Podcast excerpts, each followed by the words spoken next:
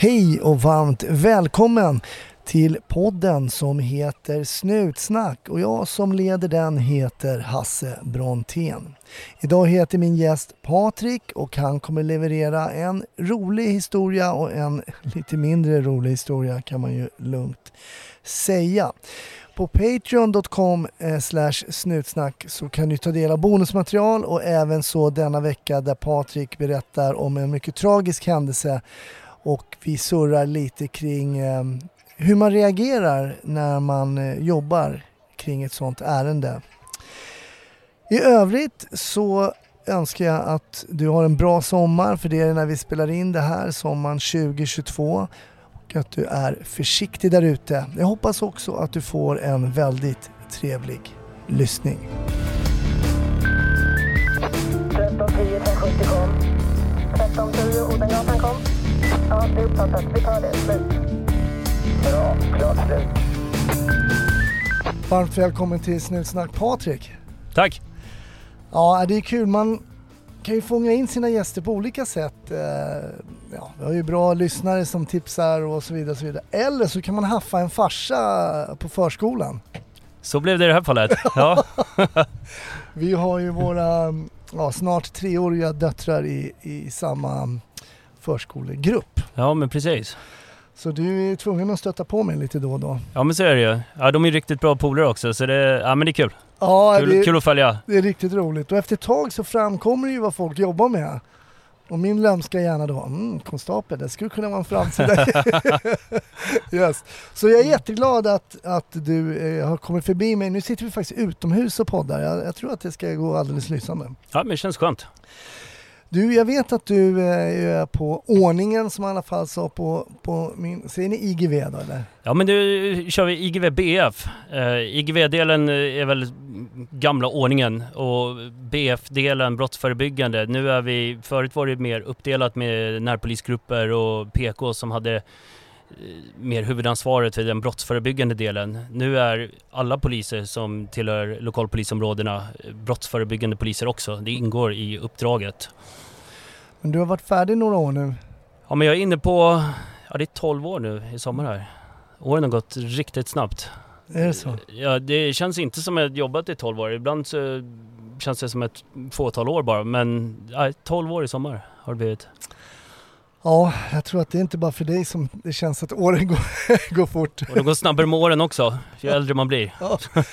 Men eh, hur dök tanken upp då med, med själva yrket i sig? Var det, någon, var det en barndomsdröm? Nej det, nej, det var det verkligen inte. Jag, jag ville bli fotbollsproffs först. Det insåg jag i och för sig rätt tidigt att jag inte kommer bli.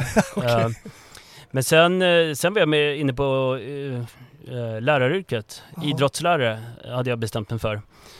Och jag sökte in till lärarhögskolan och, och kom, började där. Men jag, jag ville ju jobba på gymnasienivå och då skulle jag ha två ämnen. Idrott visste jag att jag ville ha, men det andra ämnet hade jag inte spikat än. Och det fick jag reda på där, eller så hade jag bara missat ansökningsprocessen, att du måste ha dina två ämnen klara för dig. Okay. Och jag visste inte mitt andra ämne, så då, då väntade jag med det. Jag ville inte plugga i fem år och kände mig osäker. Så jag fortsatte jobba, jag jobbade på förskola den tiden. Mm -hmm. uh, um, så jag fortsatte jobba ett par år till på, på förskolan. Och sen så var det nog egentligen min brorsa som var mer inne på polisyrket som hade tänkt att söka. Så jag, jag var rätt ung då så jag tänkte lite på chansning. Nej men det verkar, det verkar vara roligt. Jag, jag ska prova söka. Och så kom jag in som, som ganska ung. Hur gammal var du när du gick på skolan? Ja, jag tror jag var 22 när jag började skolan. Mm. Eh, och hade inte eh, haft några polisplaner innan sådär. Ingen i min närmsta familj som, som varit polis och, och sådär. Eh, så det, det, var lite på chansning. Och, men trivdes direkt jättebra. Då kommer den gyllene frågan. Är det stor skillnad att jobba som förskollärare och polis? Ja, det är vissa... Konflikthanteringen är det ju, bara att eh, tillhyggena ändras ju lite eh, med, med spadar och, och sådär. Eh, det är andra tillhyggen nu, men, men vissa likheter finns absolut. Ja, jag, jag är, har ju djup respekt givetvis för alla våra poliser där ute, men det har jag även för alla förskollärare som jobbar. Alltså jag, jag håller helt med. Ja. Har egentligen djup respekt för alla som jobbar med människor för det kräver mm. liksom alltid lite extra av en, av en person att liksom eh, den här mänskliga kontakten kräver alltid det här. Det händer alltid något oförutsett och det, det gjorde det säkert på förskolan också kan jag tänka mig. Ja, verkligen. Ja, det, stundtals var ju stress, eh, stressnivån högre på förskolan. Och det märker vi bara när jag hämtar sina egna barn på, på förskolan och, och ser att det kan vara rätt livat ibland. Så ja, jag håller med. Får du flashbacks eh, när du, till det gamla jobbet när du hämtar dottern? Ja, men det kan, det kan jag få ibland faktiskt. Uh, Sen, sen, var jag så, det var ju strax efter gymnasiet som jag jobbade på, på förskola så jag blev ju lite mer av en så här, lekkille där och jag var väl eh, högst delaktig och trissa upp alla barnen medan de äldre pedagogerna fick bromsa och liksom ta hand om dem mer. Och jag speedade upp dem tror jag. Vad hade du när du, när du bytte då, när du sa äh, att det blir inte lärare, det blir det är polisen. Hade du någon tanke kring vad, vad för polisämne då, om du inte visste vad det skulle vara för andra ämnen där på på läraryrket, visste du ungefär vilket ämnesområde inom polisen då? Hade du någon kunskap om det? Ja, men jag, jag hade ganska, i och med att polistankarna kom så sent för mig så hade inte jag, jag, jag visste att jag ville eh, jobba ute i alla fall. Uh, inte sitta in och utreda i, i vart fall till, till en början. Men uh, uh, jag hade inte det klart för mig när, när jag började i skolan. vilket område. men ja, med tiden så var det, tyckte det var ganska kul att jobba med, med ungdomar.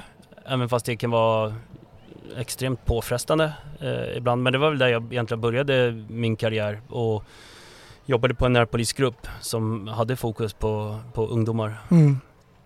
Och du, nu vet inte jag om jag har missuppfattat, men du har väl varit ute egentligen hela tiden som polis? Va? Ja, men det har varit bortsett som alla gör en sån här rotation på eh, inne på krim. Mm. Eh, I början av karriären så, så var jag inne sex månader på en sån här rotation med ungdomsutredningar. Men annars har jag varit ute hela tiden. Gör alla en sån rotation eller?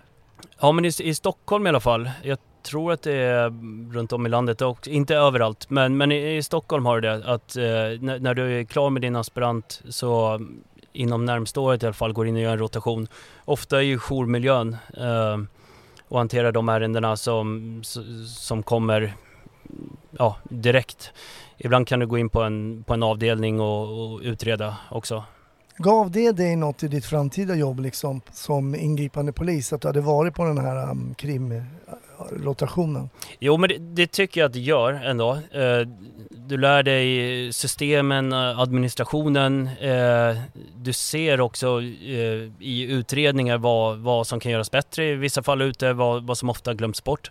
Så jag, jag, tycker att den ger någonting. Sen vet jag att eh, det är inte det de flesta nya polisassistenterna vill göra när man är, mm. är klar utan de vill åka radiobil och vara ute, inte, inte gå in. Men, men, att det ger någonting, det, det, tycker jag nog att det gör. Mm.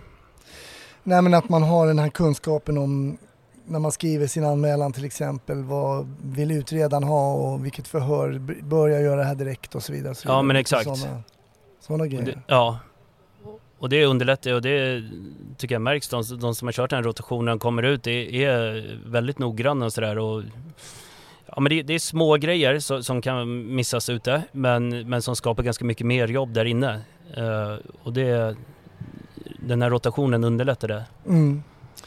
Jag har suttit här innan faktiskt lite på balkongen och surrat lite och man förstår ju det att 12 år, du har jobbat 12 år eh, ute som polis och då har man ju varit med om en oerhörd massa grejer och du har ju bara flippat upp en del case för mig här innan vi började spela in och alla de här händelserna som du eh, är med om som, som uniformerad polis ute hur landar de hos dig liksom? Allt som händer dig och mm. sen ska du hem till dina kids och lämna och hämta och lite sådana grejer. Hur, hur, hur hanterar du allt det polisiära liksom? Ja men, det, ja men det är som sagt, vi har pratat om några case och det har varit med om Ja men på 12 år, det är egentligen på ett arbetspass kan du vara med om flera nästan extraordinära händelser. B både extremt tragiska men eh, många roliga ärenden också. Uh, Ja men när det gäller kanske de mer tragiska ärenden som, som kan påverka så tycker jag Polismyndigheten och hela organisationen det finns en plan för att hantera det, mer än vad det var när jag började. Nu har vi en krisstödsorganisation som Eh, i ganska nära anslutning till en sån här extraordinär händelse samlar alla patruller och vi pratar om det och skapar oss en gemensam lägesbild och pratar känslor också kring, kring händelsen. Eh, och sen brukar det följas upp också, ibland med telefonsamtal och checkar av hur allting är men eh, ibland även fysiskt också. Mm. Så det finns, eh, det finns ett omhändertagande nu och sen ska man inte glömma bort den här omhändertagandet sinsemellan mellan kollegor. Jag tror mycket av det här löser vi också i, i radiobilen. Vi, vi checkar av hur vi mår och mm. ofta vi sitter 9-10 timmar tillsammans i en bil och, och har verkligen tid för att prata och stämma av och det, det tycker jag vi gör nu. Mm. Poddtips från Podplay. I podden Något Kaiko garanterar östgötarna Brutti och jag, Davva, dig en stor dos skratt. Där följer jag pladask för köttätandet igen. Man är lite som en jävla vampyr. Man har fått lite blodsmak och då måste man ha mer. Udda spaningar, fängslande anekdoter och en och annan arg rant. Jag måste ha mitt kaffe på morgonen för annars är jag ingen trevlig människa. Då är du ingen trevlig människa, punkt. Något kajko, hör du på podplay. Därför är gardinerna. Men roliga historier, det, det, har du någon sådär, har du någon på lager? För det, jag förstår ju, och jag tror att de flesta lyssnare också förstår att de här att tragiska saker um, sätter sig såklart, uh, givetvis. Man är med om kanske väldigt traumatiska, dels det trauma som personen man kommer fram till är med om, som man själv får ta hand om och sådär. Men de här roliga då, vad, vad, vad tänker du på? Vad, vad, ja, alltså, kan det vara? Ja, men det finns ju otroligt många och man kan verkligen... Ja, men, jag har en, då, jag var ny, jag var aspirant då tror jag. Och, och, så, då hade vi fått ett larm om en äldre dam som gick och, med sin rullator på vägen, en ganska trafikerad, om det var en 70-sträcka. Eh, det var en förbipasserande bil som hade stannat till vid den här damen, tyckte det såg konstigt ut. Eh, så jag kommer ihåg att jag går fram till den här damen och hon, hon, det visar sig, hon, hon har ju rymt från sitt demensboende. Mm. Och jag börjar pumpa på med frågorna där och frågar vart, vart ifrån hon har gått och vilket boende hon bor och så vidare. Och den här damen, hon, hon börjar ju tröttna på mig där, tycker jag ställer för många frågor. Så hon säger åt mig att och, och sluta, sluta fråga så himla mycket. Och sen tittar hon på mig och bara, är du polis? Och jag känner mig definitivt inte som en polis. Jag är aspirant, jag var ung, jag identifierar mig inte alls som en polis. Uh -huh.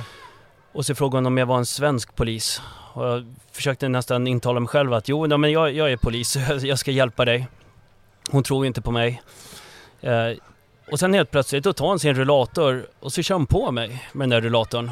Ganska hårt, eller hon var ju gammal och liten så här, men hon, hon kör på mig med den där rullatorn och, och ska... Med hennes fulla kraft eller? Ja, ja, ja, ja. Och, och hon, ska, hon, ska, hon ska ut i vägen och där svischar ju bilarna förbi. Hon gör det tre gånger och så den här bilen som har stoppat den här damen säger till min instruktör som står 10 meter bort att du borde nog gå och hjälpa din kollega där. Och hon skrattar och säger nej nej, det där får han fixa själv. Och eh, sen till slut när hon märker att hon kommer inte förbi mig, då, då börjar hon ju skrika eh, hjälp. Och jag, i och med att jag känner mig inte som en polis, hon skriker hjälp, ring polisen. Och de här bilarna svischar förbi och jag känner, jag får upp en tanke så här att eh, herregud, tänk om hon ringer till den riktiga polisen som kommer hit nu. Här står jag och blockerar vägen för en gammal dam. Tänk om polisen kommer hit nu. Och hon skriker med ganska så svag röst som i Titanic-filmen när i slutet när de ligger på den här utanför vattnet när hon försöker ropa helt där. Och, ja men helt nerkyld och hon får knappt fram någonting. Så lät det när den här kvinnan ropade för hon hade ju inget tryck i sin röst. Så hon ropar ju men det låter ju knappt. Och jag kände mig som Ja, men jag, jag, jag kände mig som en riktig skurk där. Ja, till slut så, så kom faktiskt en hemtjänstbil som kände igen henne oh. och, och, sa det att nu, nu är det nog läge att följa med oss.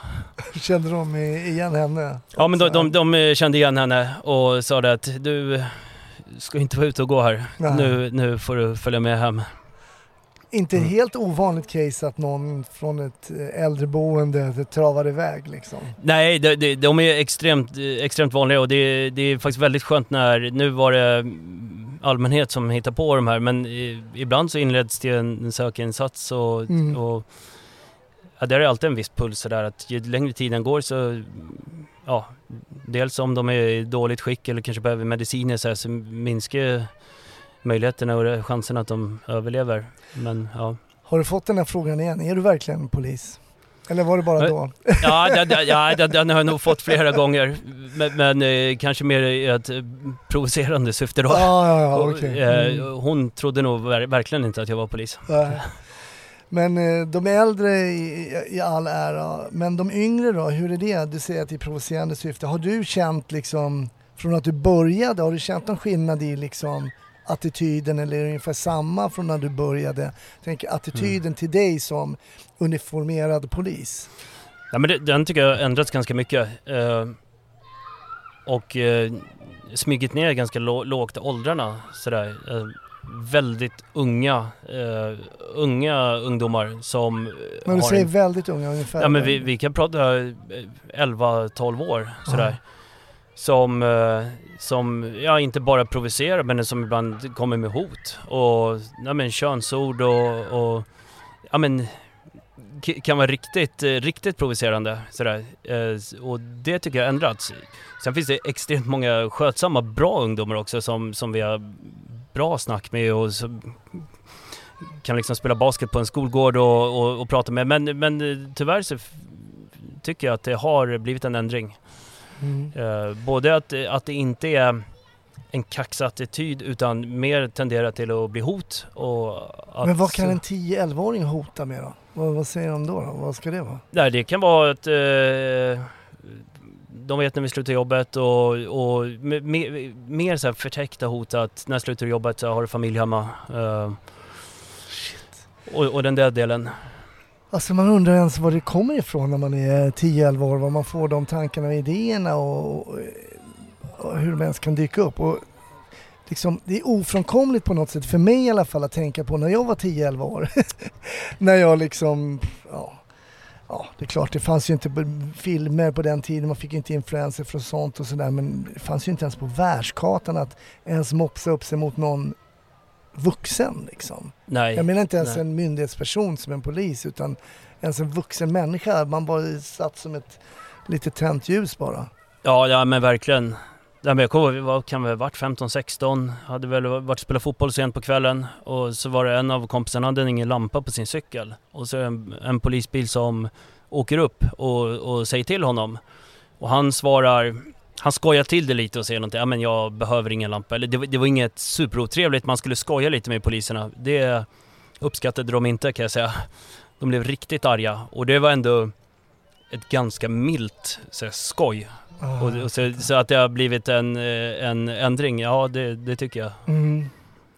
Men hur ofta träffar du på eh, så pass unga liksom i yrket? Så, sådär. Du, du åker mest nu på minutjobb eller? Ja men jag jobbar i södra Stockholm eh, och eh, eh, i, i lokalpolisområde.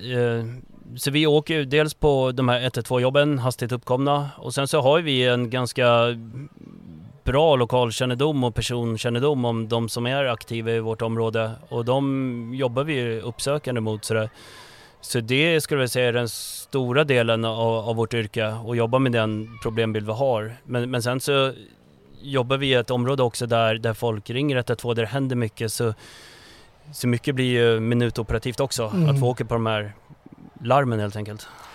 Men jag tänker att, att man blir bemött med det här. och Hur ska man liksom som polis egentligen är det lågaffektivt eh, bemötande då liksom? Eh, Hur hanterar man sådana här mopsiga... För man kan ju tänka mig, jag kan i alla fall tänka mig att man kan bli lite så här frustrerad. Det kommer fram kids och ja, egentligen stör och hotar och fixar. Hur, hur, hur är din taktik att liksom bemöta det här verbala liksom?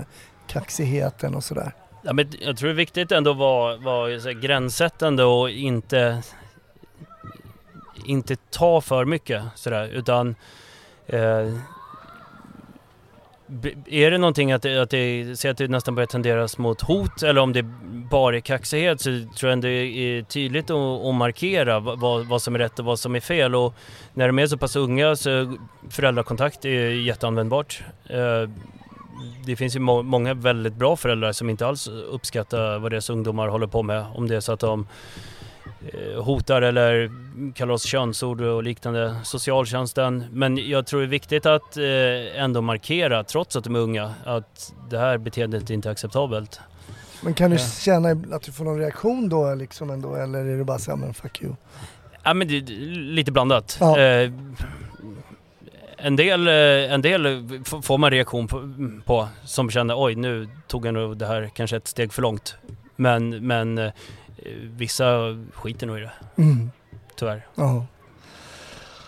Ja, nej men eh, framtiden är ingenting vi vet någonting om men det ska onekligen bli spännande att se här med de här vissa områden där det finns mycket problematik med unga människor. Eh, vad som kommer hända och så vidare. Det, mm, det känns, känns som, som politiker brukar säga, som en utmaning. Ja, ja men det är det ju definitivt och, och men man behöver stärka upp på, på, på mång, många, alltså många olika myndigheter och in, alltså inte minst skolan sådär. Polisen kommer inte kunna rå hem med hela den här problembilden utan vi kommer behöva hjälp och, och samarbete och det gör vi, alltså det gör vi nu med skola och socialtjänst men det samarbetet bör nog utökas också Mm. och, och bli ännu bättre. Mm. För det är farligt att, att tänka att äh, det det är hopplöst, vi kommer aldrig, dagens ungdom är, är, de- är för störiga och det kommer aldrig gå. Det finns extremt många ungdomar som vi möter som är eh, jättevettiga och verkligen har framtidsutsikter och, och som kämpar på. Så man ska inte liksom förkasta hela ungdomsgenerationen. Nej, nej, det ska vi inte göra. Nej, men det har jag givetvis kännedom också om att det finns, att det finns eh, bra ungdomar. Jag hoppas ju våra förskolebarn eh, blir det om ett tag. Ja, men det... vi hoppas. Vi strävar Ja, dit i alla ja. fall, det gör vi. Men när man kommer in på det här då, vi pratade, berättade här om den här damen som attackerade med rullatorn, men um, om man kommer in på de här tragiska händelserna då som ju vi har pratat om i podden innan, som ju som polis, det är oundvikligt att inte träffa på tragik i sitt, i sitt yrke som polis. Hur visste, Ja. vad, vad tänkte du kring det när du började? Hade du sådana tankar att liksom, jag kommer nog få vara med om mycket tragiska saker? Nej, eh, det skulle jag nog inte säga. Jag, jag, jag visste nog att jag kommer få hantera det, men, men i, i, kanske i den utsträckningen och, och dels så mycket som det har blivit och tyvärr så ofta det har blivit var jag nog inte förberedd på. Nej. Jag tror jag och kanske många andra också mer hade tänkt de här roliga grejerna. Vi ska eh, gripa tjuvar och vi ska åka snabbt och, och det är en liten del av yrket. Mm. Eh, De tragiska delarna, de, de hanterar vi extremt ofta. Folk som Tyvärr. mår dåligt. Ja, psykisk ohälsa, eh, mycket, många självmord. Eh, och framförallt nu känner jag när, när jag själv har blivit förälder och de, de delarna där, där barn är inblandade och, och de, de påverkar mig mycket mer idag än, än vad det gjorde tidigare. Det är så, du känner en, eh, en skillnad där? Ja, men det tycker jag. Mm. Verkligen. Kan hantera ett ärende hos en familj och, och, och där man verkligen ser att barnen far illa och så har man ett par dagar innan känt sig som världens sämsta förälder för man har glömt bort mellanmålet hemma en, en lördag sådär och ändå tänkt att vi har ändå ganska bra hemma. Mm. Mm. Ehm, Det ger en perspektiv då? ja, verkligen. Ja, men det gör det. Ja, verkligen. Ja, men det är ju inte alla som får se de här grejerna. Men tycker du att de, eh, de intrycken som du har fått av de här tragiska händelserna så att säga. Du berättar om att ni som kollegor är duktiga på att hantera det, att myndigheten också har liksom en, det finns en, en plan för det här. Men jag tänker att ibland kan man ju tas med ehm,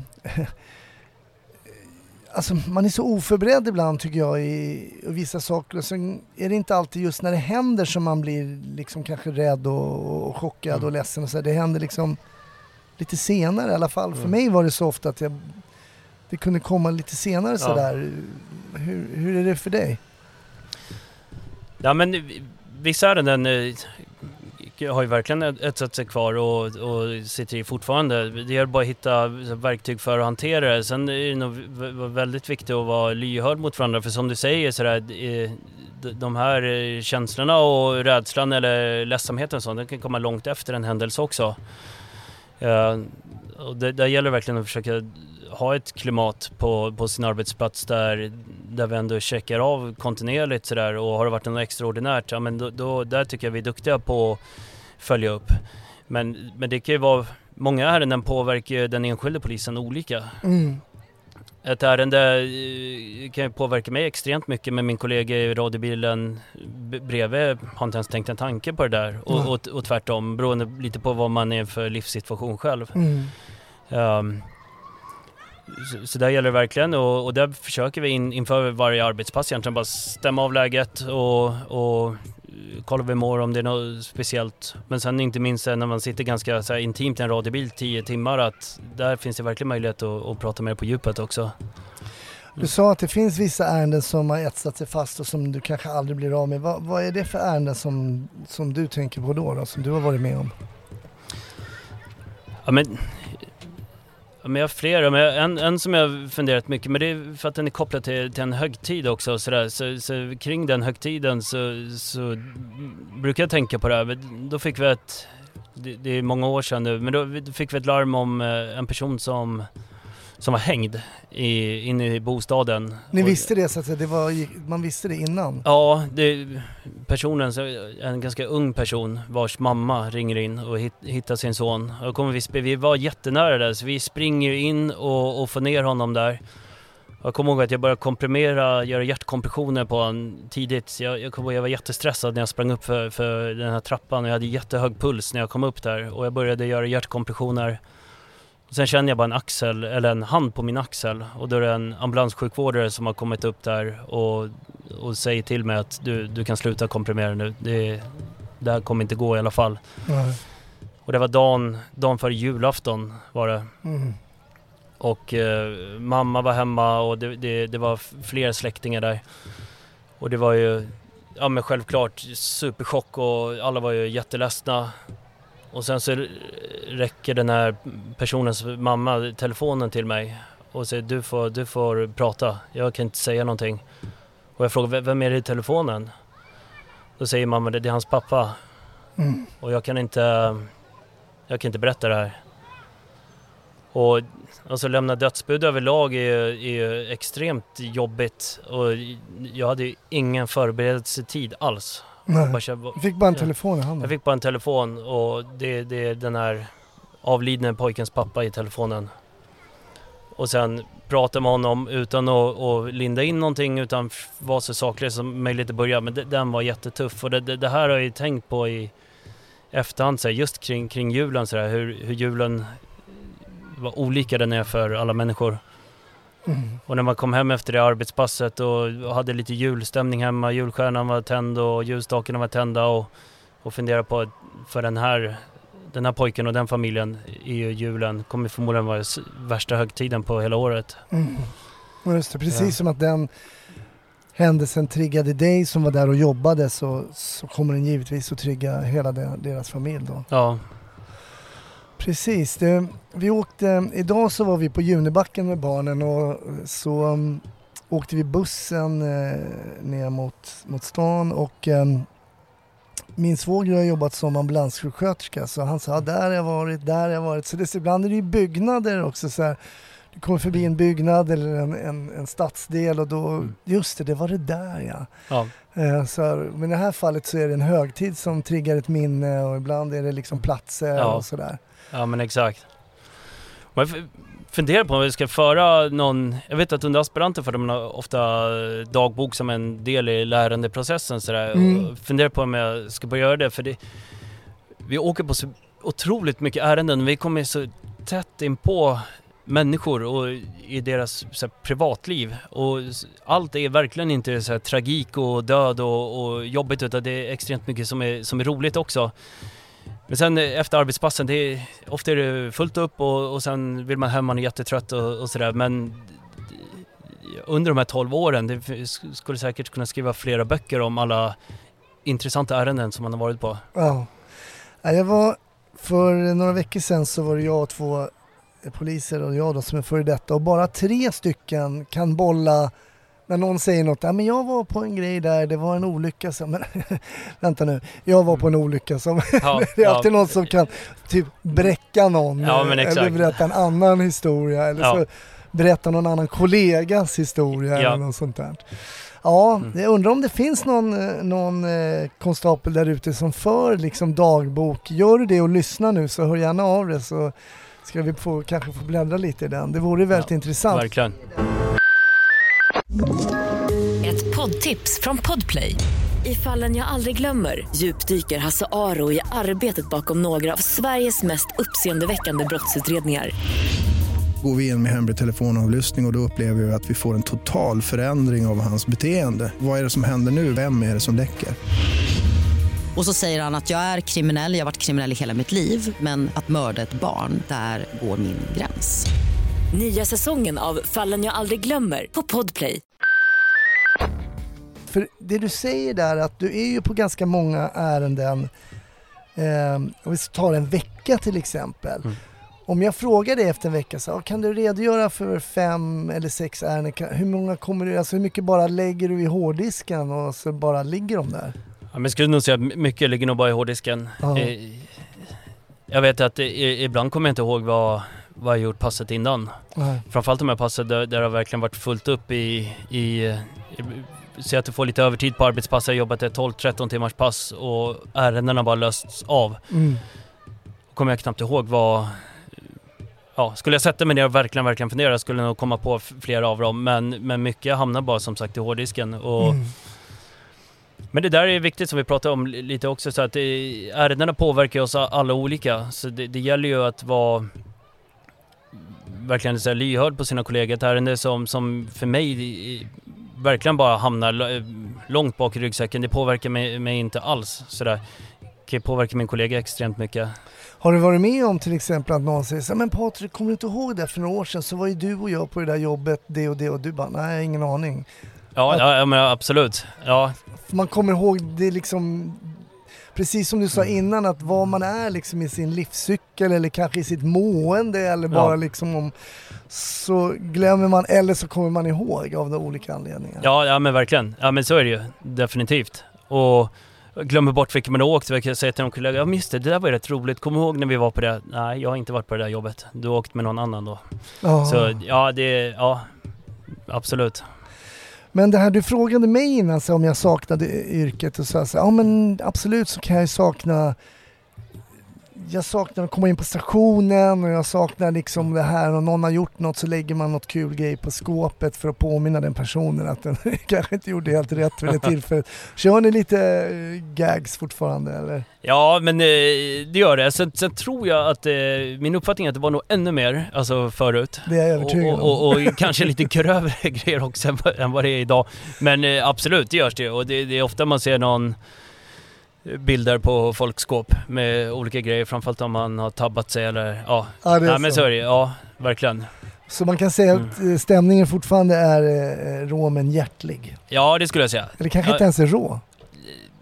Ja, den, ja lite. Ja, mer hjärtlig skulle jag säga. Ja. Med, med något visst inslag av råhet kanske. Det måste ju få finnas någonting man får, man måste ju kunna få retas lite på jobbet. Det är ju Ja men det är viktigt och jag brukar säga det, det, det blir lite som en, en försvarsmekanism också sådär att vi, i och med att vi ser otroligt mycket och, och även en del tragik och, och död så, så måste vi däremellan ha roligt och, och skoja med varandra. Jag hanterar ett ärende, ett, ett ehm, Våld, våld i, i familjen exempelvis, ja, men då är vi verkligen superprofessionella. Vi hanterar det, vi, vi eh, har båtmössan på oss när vi går in i lägenheten. Det, det, det finns inga utrymme för någon skoj där. Men sitter du i radiobilen med din kollega och däremellan måste vi faktiskt kunna få skoja med varandra. eh, Mm. Och ha roligt. Och det, jag tror att det blir lite som en försvarsmekanism också för att orka med allt, allt det vi faktiskt ser. Man kan, det blir som en ventil, man kan pysa ut lite grann av lite Ja. frustration eller vad det nu kan vara. Ja men det skulle jag säga. Och den, den, är, den är superviktig. För det vet jag bara, jag kommer ihåg något jobb jag hade, jag satte mig i bilen, så skrek jag liksom bara rätt ut. Sen var det klart. Jag skriker väldigt sällan men eh, ja, Ja, det var speciellt. Men eh, ibland kan det behövas. ja men verkligen. Man gör inte det på plats, att sätta man gör Nej. det i sin... Då, då var jag faktiskt helt själv också, så det var ju bra att ingen filmade det. Det hade sett jättekonstigt ut. Ja med dagens ska vi bli filmade konstant. Ja, precis. Men hur är kör ni nå, har ni någon bodycam eller hur jobbar ni? Ja men eh, några polisområden har det, eller lokalpolisområden har, har vi eh, ska få till Vi har haft hos oss, men eh, vi har inte längre. Eh, Men på vissa kommenderingar, fotbollsmatcher och demonstrationer och sånt så brukar vi rusta på med det. Medan vissa poliser i, i de här särskilt prioriterade områden har det alltså i vardagen. Mm, just det. Ehm, Men har du, har du burit det någon gång själv eller? Ja, Har du känt det- någon skillnad i så här, oj nu, nu står jag här och filmar mig själv eller är det bara som vanligt? Nej, men mer responsen på, på de vi möter så, som blir oroliga så kanske tänker sig lite mer för vad, vad de säger och, och frågar om den är på. eh, och, och innan de väljer vad de vill säga. Så det, det, det har ju en viss effekt så. Och de här stora alltså fotbollsmatcher och demonstrationerna är inte alltid folk tänker på det när de är mitt inne i Nej, precis. våldsamt upplopp eller någonting utan då. Då kör de i alla fall. Kanske alltid bara ska ha någon attrapp liksom sådär så, Ja men precis. så de här 10-11-åringarna bara, filmar du? Ja. Ja. jag lägger ut det på eh, TikTok. Ja, i detta nu. Ja, shit. Men hur, hur ser ehm, den framtida polisiära karriären ut? Du ligger inte inne med någon ansökan på någonting just nu? Nej men det gör jag inte. Uh, ja men just det, jag, jag, trivs där jag jobbar. Eh, jag är gruppchef för en uh, IGBF-grupp. Uh, kör tre skift. Jag, nu, alltså jag börjar närma mig 40 och jag har inte lika lätt för att vända dygnen som jag gör nu. Alltså när jag, när jag började som polis, det, för mig spelar det ingen roll om jag jobbar dag ena dagen och natt andra och jag kunde, jag sov som en stock direkt när jag kom hem. Mm. Eh, det är tuffare nu, tycker jag. Mm, det är väl vad man har hört eh, genomgående att åldern tar ut sin rätt lite grann. Ja, tyvärr. Jag börjar... Det är inget... eh, Och konstigt nog så, så... Jag hade en period där jag sov extremt dåligt efter nattpass. Jag vaknade efter två timmar och, och kunde inte somna om. Oh. Det, det har blivit lite bättre och sjukt nog sen jag fick barn. Det är kanske för att jag är så trött överlag sådär. Eh, Tröttar ut dig. så, ja men precis. Så, men, men absolut att det, det är tufft för kroppen med, Mm. med tre skift. Det, Mm. det tycker jag att det är. Men samtidigt så trivs jag superbra. Eh, Det är. Sen får vi se i, framtiden. Det är fördelen med polisyrket. Det är otroligt brett och det finns väldigt många vägar att gå inom polisen. Mm. Om man skulle tröttna på något eller tycka att något, det här verkar superintressant och, och söka sig dit så det finns många vägar att gå. Mm. Jag vet att du ska jobba natt, i natt. Japp. Jag kommer ihåg att jag tyckte, min pappa jobbade som polis, jag tyckte det var oerhört spännande typ när jag skulle gå och lägga mig. Så gjorde farsan sig redo för att gå till jobbet och jag tänkte så här ibland, vad händer så här på natten? Du vet när vi sover, då jobbar min pappa. Så jag tyckte det var ganska spännande. Men vad, du kommer ju åka in, rusta på, då, när börjar du Mm. jobba när du jobbar natt då?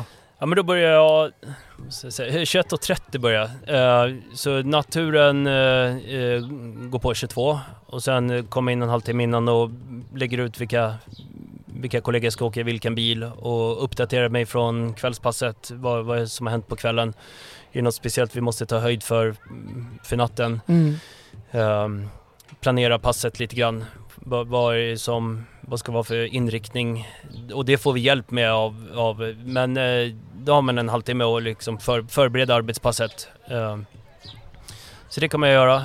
Eh, och en, ska vi se, nu tappar jag nästa dagarna, visst är det fredag idag? Ja, det- Ja, nej men det, jag tycker på, på de här 12 åren så Absolut, efter en, eh, man avslutar tacomiddagen, skulle gärna se en serie och, och inte känna ångest men att, aj fan, lite jobbigt ändå, behöver sätta sig i bilen och åka in till jobbet. Men när jag väl kommer in och, och så träffar man kollegorna, man surrar lite med de som har kört kvällsturen och de kanske drar någon rolig historia och sådär, då, då är det rätt kul att komma in faktiskt.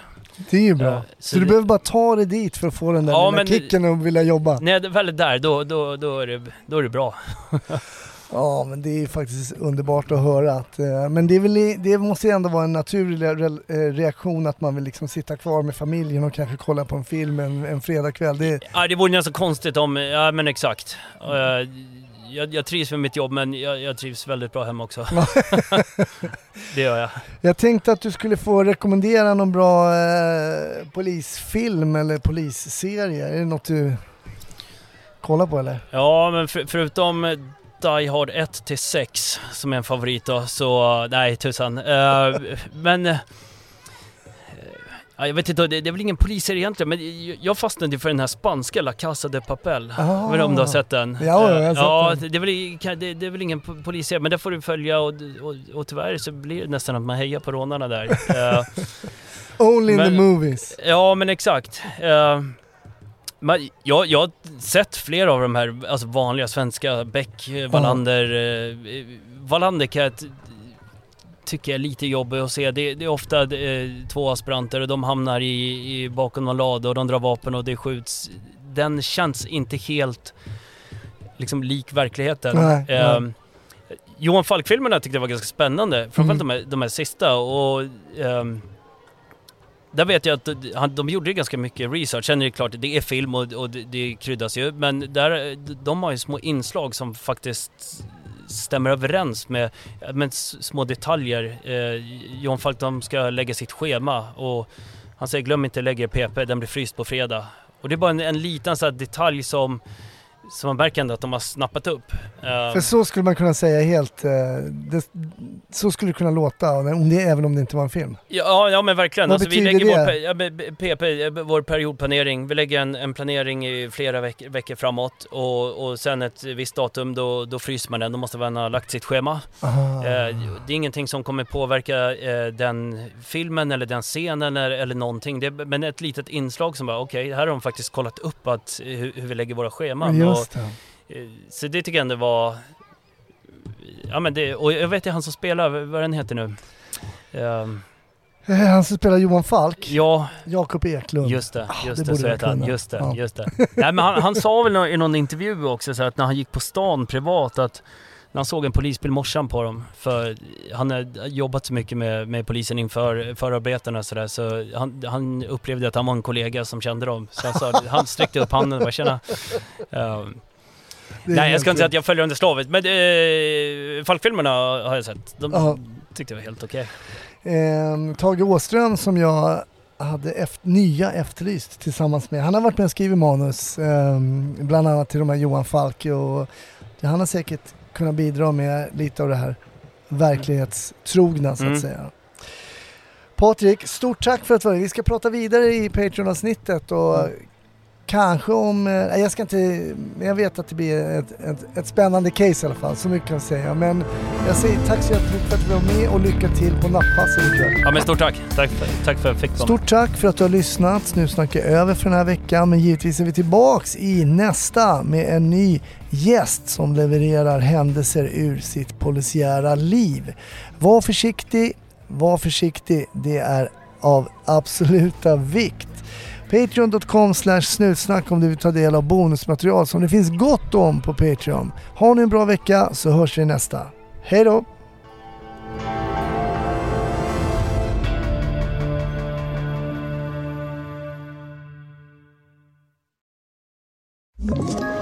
Ett poddtips från Podplay. I fallen jag aldrig glömmer djupdyker Hasse Aro i arbetet bakom några av Sveriges mest uppseendeväckande brottsutredningar. Går vi in med hemlig telefonavlyssning och, och då upplever vi att vi får en total förändring av hans beteende. Vad är det som händer nu? Vem är det som läcker? Och så säger han att jag är kriminell, jag har varit kriminell i hela mitt liv men att mörda ett barn, där går min gräns. Nya säsongen av Fallen jag aldrig glömmer på Podplay.